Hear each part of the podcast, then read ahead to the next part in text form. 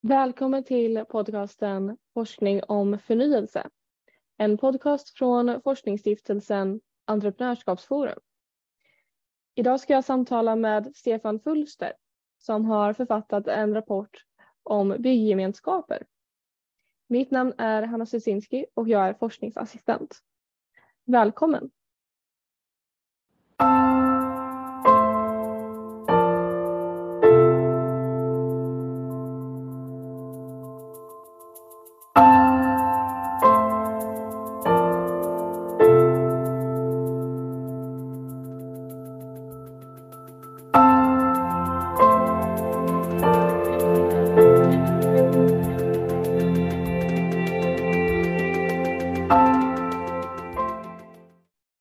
För eh, fyra månader sedan så flyttade jag till Stockholm. Och eh, närmare bestämt så flyttade jag till eh, Hökarängen. Och när jag flyttade dit så gick jag med i en sån här Facebookgrupp för vi som bor i Hökarängen. Och där postas det allt från försäljning av cyklar till larm om bortsprungna katter och frågor om förskolor och sådär. Det är en väldigt livlig diskussion och det finns ett bageri i Hökarängen som är väldigt uppskattat av alla Hökarängsbor. Det är liksom alltid fullt på det här bageriet. Och varje gång det här bageriet har som ändrade öppettider så skrivs det ut med en gång i den här chatt, äh, äh Facebookgruppen. Och jag känner väldigt stark ingruppsdynamik i den här eh, Facebookgruppen. Och då tänker jag att ifall det här bageriet skulle vara nära på att gå i konkurs och alla i den här Facebookgruppen går samman och köper fastigheten som bageriet ligger i och bygger lägenheter kanske ovanpå och bestämmer att bageriet ska få eh, ha sin verksamhet här helt hyresfritt eh, för att man ska säkra att den ska vara kvar. Skulle den här sammanslutningen vara en eh, bygggemenskap? Eh, ja, det skulle man kunna säga. Eh, alltså, ordet bygggemenskap um, ehm, används ju ofta för några som antingen vill, eh, en grupp människor som antingen vill bygga ett nytt flerbostadshus eller renovera ett befintligt. Um, de här fallen, om det är så att man bara ska ta över ett som finns utan att vilja renovera, ja, kanske också. men, men, ehm, men däremot är det ganska vanligt på, i andra europeiska länder ehm, ungefär det du beskriver. Eh, fast oftare i en, i en stadsdel där de kringboende kanske tycker att um, stadsdelen är, är på glid e-, eller redan är på dekis. Um, och och, och där det är svårt för en enskild person att eh, bara liksom, renovera sin lägenhet och så. Och då som samlar man pengar och köper en, en, ett sådant här hus. Uh, och naturligtvis vill man behålla verksamheterna som finns. Uh, det är hela poängen, men ofta så renoverar man också eh, och får antingen befintliga som boende i området att um, flytta in eller lockar dit nya. Um, och, och sen blir det ofta startpunkten för en, um, vad ska man säga, ett, ett lyft för hela området. Men så en bärande del av byggemenskaper är alltså att man äger tillsammans? Ja, absolut, men exakt hur finns det väldigt många olika former. I, ibland är det så att um, att säg de, de som har donerat från början köper tomten eh, som, en, som en arrendetomt och låter sen den närmare bygggemenskapen som ska bo där eh, äga huset eller de enskilda lägenheter. Um, ibland kan det vara mer som ett, och, och, och sen kan det vara olika att de som bor där kan ha rätt att sälja till marknadspris i vissa eller i andra kan de, om de skulle vilja flytta, inte sälja till marknadspris utan måste lämna tillbaks lägenheten till ungefär vad de betalade för. Och, eh, Byggemenskapen kan då välja någon nu som kan flytta in där. Men ibland kan det också vara organiserat mer som en bostadsrättsförening eller som en, eh, ett aktiebolag rent av. Ehm, eller en ny form som riksdagen stiftade som heter kooperativ hyresrätt. Ehm, där det, det, är mer som en, en hyresrätt men, men fastighetsägaren är kooperativet. Ehm, som, så, så man hyr så att säga av sig själv eller av sin gemenskap. Får jag fråga hur du kom in på den här frågan? Ja, alltså jag, jag är ju inte, eller har inte varit en um, expert på byggemenskaper. Uh, eh, däremot så har jag både följt frågan i Tyskland framför allt, där det har vuxit som form väldigt mycket. Um, men jag har också skrivit en hel del saker om bostadspolitik Eh, och, och i synnerhet sånt som Sverige har stora problem med, till exempel integration av stadsdelar och där byggemenskaper skulle kunna bli eh, ett viktigt verktyg i, i verktygslådan som inte tillåts spira tillräckligt. Bostäder är ju en sån fråga som är ständigt aktuell men ändå aldrig riktigt aktuell. Och till viss del äger kommuner frågan. Eh, det finns mycket delfrågor i form av strandskydd och hyresregleringar. Eh, och det är ofta ganska trassligt och sådär. Men eh, så som jag förstår byggemenskaper så är den mycket mer positiv scenografi av det hela. Eh, jag började med en gång fantisera om vilka faciliteter jag hade önskat i min, ett gemenskapsboende och sådär. Eh, varför, varför, är det inte mer populärt eh, här som det är i Tyskland? Om, eh, när det har de här positiva effekterna? Så mitt intryck är att det är populärt. Det, det är många fler som skulle vilja göra det. Eh, men de baxnar inför de problem som, som alla som bygger bostäder eh, ställs inför i, i Sverige. Um, så, så, man kan säga att i, i Sverige idag är en väldigt stor del av byggemenskaper uh, människor som bor i, på landsbygden uh, och sen kanske de blir lite äldre uh, och då skulle de tvingas flytta till stan om de vill byta till, till lägenhet. Och så hittar de istället en, som en gammal bygdegård eller något som, som kan renoveras till ett flerbostadshus. Ja, och så kan de bo närmare där de alltid har bott. Men, och i, i en sån process då, då kanske mm, bygglovsprocessen och så inte är, är överkomligt. Men om man ska bygga nära en stad, då är det i Sverige fem, förmodligen tio års väntetid eh, för hela bygglovsprocessen och byggandet. Och, och, det är nog helt enkelt för mycket för de flesta.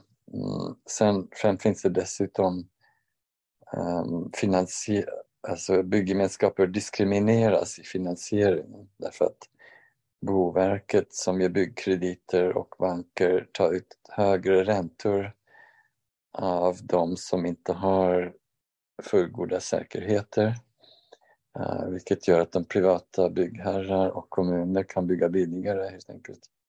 Ja, och, och det skiljer sig väldigt mycket från, från många städer i säg, Tyskland som har, som har sett vilken sorts byggemenskap som faktiskt tillför stora värden eh, för, för staden. Och, och då har de dedikerade handläggare i sin plan och byggenhet som redan förbereder tomter. Och i en stad, München, som jag tittade på så lovar de att det tar bara två till tre år från um, intresseanmälan till inflytt. Och då, då är det förstås mycket mer möjligt för de som är intresserade. Men att man kräver en bra eh, säkerhet hos bankerna här är ju inte nödvändigtvis eh, något negativt. Jag tänker att även bankerna i Tyskland måste ju vara risk riskaversa. Eh, hur, hur finansieras de i Tyskland jämfört med hur det finansieras i Sverige? Så eh, jag skulle säga att banker och även Boverket de använder ju en, en mall som inte speglar de faktiska risknivåerna. För att den faktiska risken med att låna till en byggemenskap är inte högre än, än för eh, åtminstone en, en privat byggherre. Um, utan det är bara det att byggemenskapen när de i byggskedet inte har någon färdig annan byggnad eller så som, som kan tjäna som säkerhet. Och då har eh, många tyska kommuner, men även några svenska, eh, sagt att ja, men då, eh, då ger vi eh, då, då, utvecklar vi en policy för när vi kan ge kommunala garantier under byggfasen. Eh, och och med det blir det då mer jämställda förhållanden och, och, och dessutom tror jag sådana som, som bättre speglar den faktiska risknivån. Vad, vad intressant. Och kommunerna i Tyskland, har de lika mycket inflytande som kommunerna här eller skiljer det sig i och med att Tyskland är så eh, federalt? Alltså, um, de, kommuner har ju i Tyskland mindre uppgifter på det sociala området men, och skolor. Men uh, när det är byggandet då har de uh, lika stor um, ansvar. Och inte alla, men, men rätt många städer tar också det ansvaret uh, på mer allvar skulle jag vilja säga än svenska städer och har väldigt aktivt arbetat med att undvika att det blir utsatta områden där, där många människor och, och inte minst barnfamiljer som har olika utmaningar eh, koncentreras. Utan många tyska kommuner som arbetat med att eh, med sociala kontraktslägenheter och så se till att sprida ut barnfamiljer eh, mycket mer. Och, och på det mm. sättet undvikit um, utsatta områden som, som München som jag nämnde som exempel har som en följd av detta och andra saker man, man gör. Den lägsta brottsligheten nu sedan 70-talet, uh, löser nästan alla mord till exempel. Och uh, Ehm, um, yeah, um, ja, så, så det, och, och det är på det sättet som man också kan motivera eh, de insatser man gör, att kommunen i slutändan spar mycket pengar. Ja, det tenderar ju att höra ihop. Eh, hur, hur mycket gemenskap man känner med sitt område och eh, först och främst stadsdelen, sedan staden och sedan nationen. Eh, jag tänker vi ska återgå till Sverige eh, och i din rapport så lyfter du ett exempel från Göteborg eh, nämligen stadsdelen Gårdsten som tid, tidigare var väldigt otryggt och socialt utsatt men nu blivit eh, fridfullt och en eftertraktad stadsdel. Och i Gårdsten har man skapat en byggemenskap på ett lite okonventionellt sätt även sett till byggemenskaper. Eh, kan du berätta hur exemplet i Gårdsten har eh, mm. sett ut? Ja, nu jag säga att Gårdsten skulle man normalt inte beteckna kanske som en byggemenskap utan det är ett um, dotter, det finns ett dotterbolag till Göteborgs um, fast, uh, kommunala fastighetsbolag som äger fastigheterna Ehm, men där man sen lät de boende komma in i styrelsen och få stort inflytande och det är inte så att kommunen släppte allt ansvar utan um, kommunen gjorde också en del insatser. Och så, så lyckades man um, ja, med de invånarnas engagemang och, och de här olika som, lite renoveringar och, och Ehm, andra saker få en bättre utveckling. Och, och sen men sen blev det ju eh, efterfrågan på bostäder där. Så då, då har då Gårdsten byggt nytt och, och där börjar det likna en, en bygggemenskap fast i mycket större skala.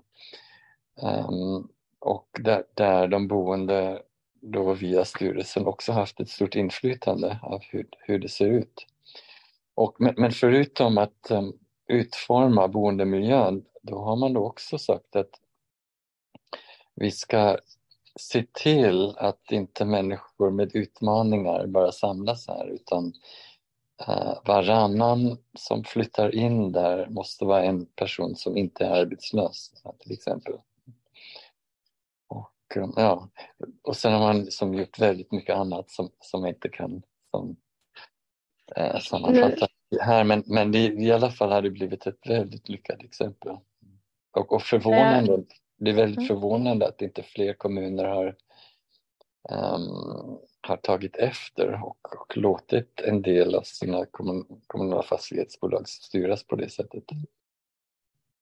När jag läste den delen i rapporten så tänkte jag på en bok jag läst av en statsvetare vid namn Peter Esaiasson som är statsvetare på Göteborgs universitet och skrivit en bok på Timbro förlag med titeln Förorten. Det är en reportagebok där han studerar två utsatta områden i Göteborg och genomför 800 intervjuer. Ett av de största problemen som de boende uppger i det här reportaget det är sophanteringen. Eh, och det kan ju, tyckte jag så här, i början var lite så här banal grej att så här, sophantering är det största problemet i, i det utsatta området.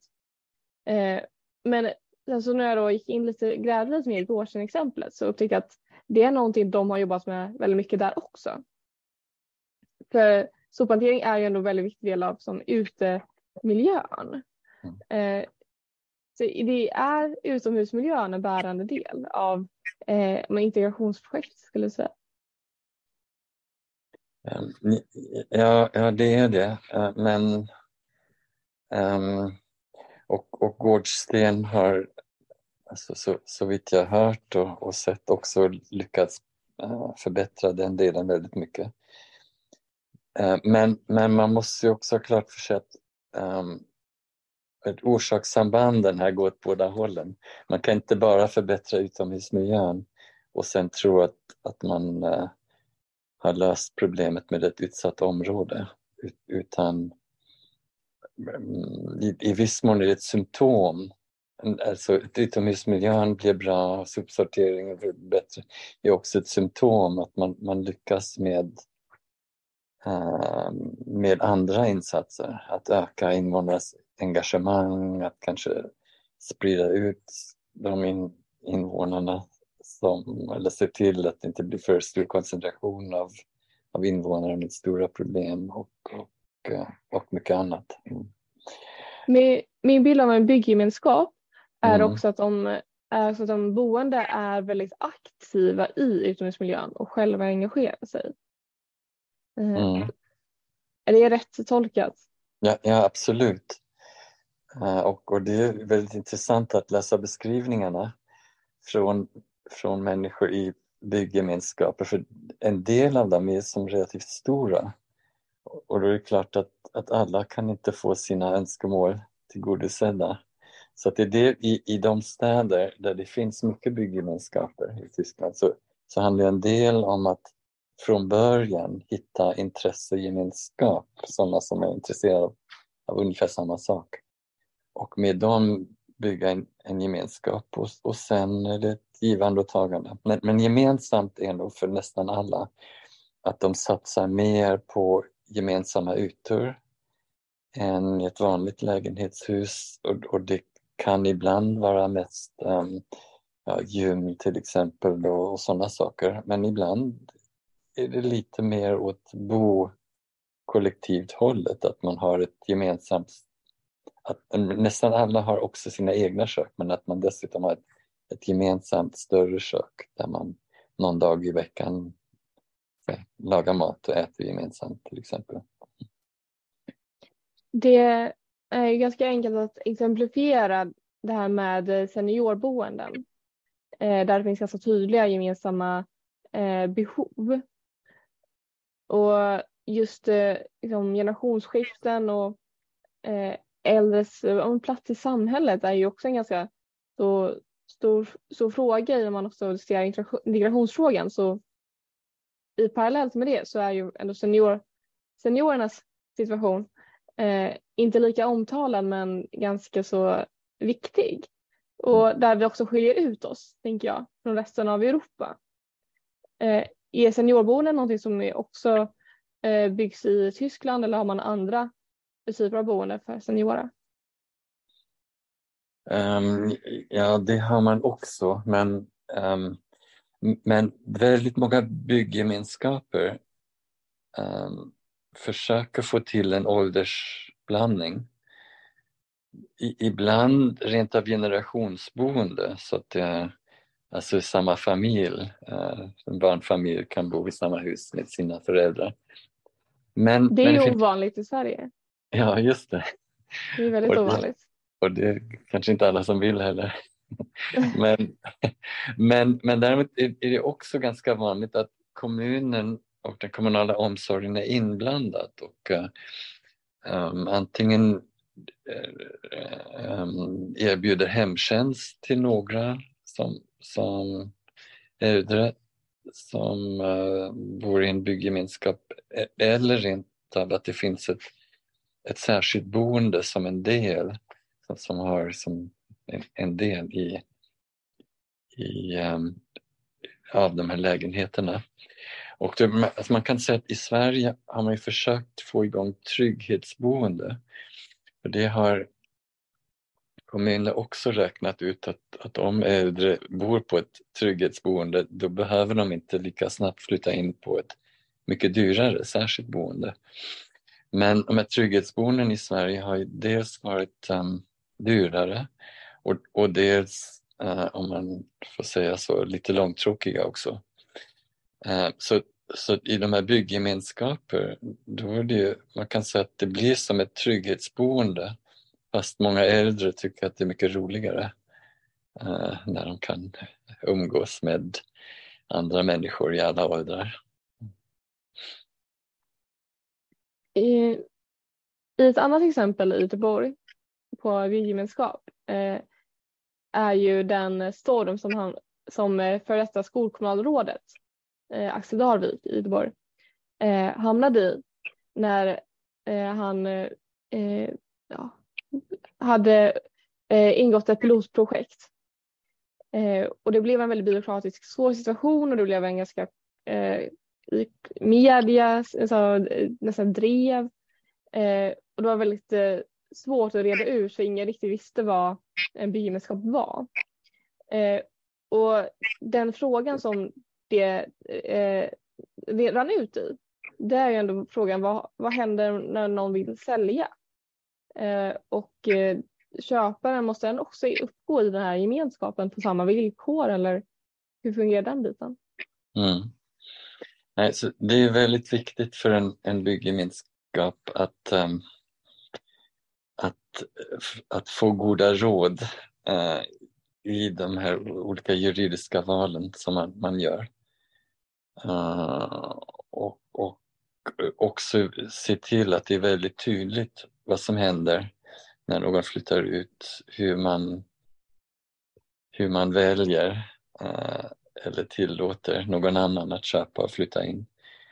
Men, men också um, att ha garantier och försäkra sig om eh, det är lite som i min bostadsrättsförening där samma problem kan uppstå. Att om, om en del tycker att, det inte har något, att bostadsrätten inte har något värde längre och bara flyttar ut, då står ju de andra med kostnaderna kvar. Och, ja, och precis, och, och, det är det som, som händer.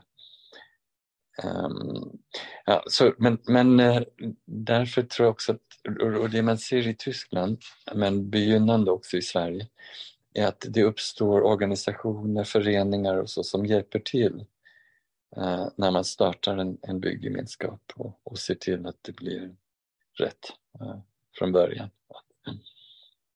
Det kanske är en, en byggnadsform som fortfarande är i utveckling. Ja, det kan man säga, fast, fast jag skulle vilja säga att det har ändå funnits byggemenskaper eh, i Sverige, alltid. Och så har det gått lite i vågor. Eh, så att det, det finns en färdiga bra former men det finns flera olika former som, som man kan välja emellan. Och, och det gäller med att, att, välja rätt och eh, att alla vet exakt vad som gäller. Eh, men, men däremot är, är, som vi var inne på i början, de, de politiskt givna förutsättningar inte, inte färdigutvecklade i Sverige och, och diskriminerar byggemenskaper jämfört med andra byggherrar. Ja, politiska åtgärder behövs för att eh, göra förutsättningarna bättre eller likvärdiga för byggemenskaper. Ja, precis. Och, och det är dels att framförallt är det bygg, bygglovstiden. Om ett, ett stort liksom, fastighetsbolag med erfarenhet och färdig tomt och så kanske klarar det på fem år. Men för en byggemenskap kan det ta tio år. Uh, och, och det är helt enkelt för långt. Och, och sen dessutom att överbyggnadsfinansieringen blir dyrare för en byggemenskap ofta. Och vilka skulle du säga är de största samhällsvinsterna om man kan få till eh, fler gemenskaper? Mm.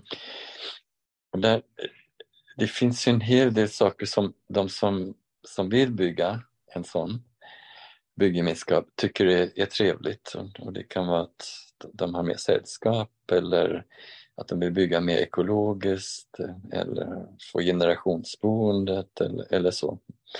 Men, men det som jag tycker är, är viktigast att betona det är eh, vissa sam, ehm, um, byggemenskaper som de måste vara utformad så kan tillföra stora samhällsvinster.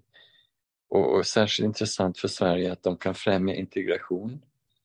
Antingen genom att välja eh, som har som i sina stadgar att man uppmuntrar människor från olika kulturella bakgrunder och så att bo där eller åldra. Um, ehm, eller att de kan liksom bygga nära eller inom utsatta områden och på det sättet hjälpa till att um, luckra upp ett, ett område där, där det är för stor koncentration av människor med utmaningar. Um, men sen kan nog byggemenskaper också bidra till utbud av, av bostäder, inte minst på landsbygden. Eh, eller i lite udda tomter i städer också. Ehm, och ehm, i vissa fall kanske sänka byggkostnad, bygg och boendekostnader. Där är erfarenheter lite mer blandat, alla lyckas inte. Ehm, men, men sen för kommuner är också intressant, det som vi var inne på, att man kan få en plats dit äldre gärna vill flytta.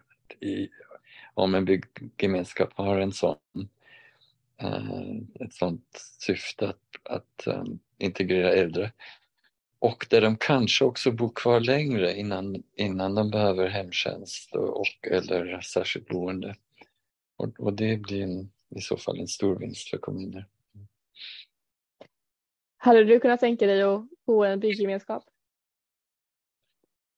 Ja, absolut. Och jag hade nog tyckt att det var väldigt roligt att, att vara med och planera också. Um, men det hade nog krävt att det var mer Münchens två till tre år innan det, man kan flytta in snarare än Sveriges tio år. Mm så länge jag kan bo i Hökarängen så eh, kan jag tänka mig att också planera en sån. Mm. Tack så jättemycket för att jag fick eh, prata med dig Stefan. Eh, din rapport eh, Byggemenskaper finns på Entreprenörskapsforums hemsida och eh, samtalet från eh, lanseringen går att se på Entreprenörskapsforums Youtube-kanal. Tack så mycket. Stort tack.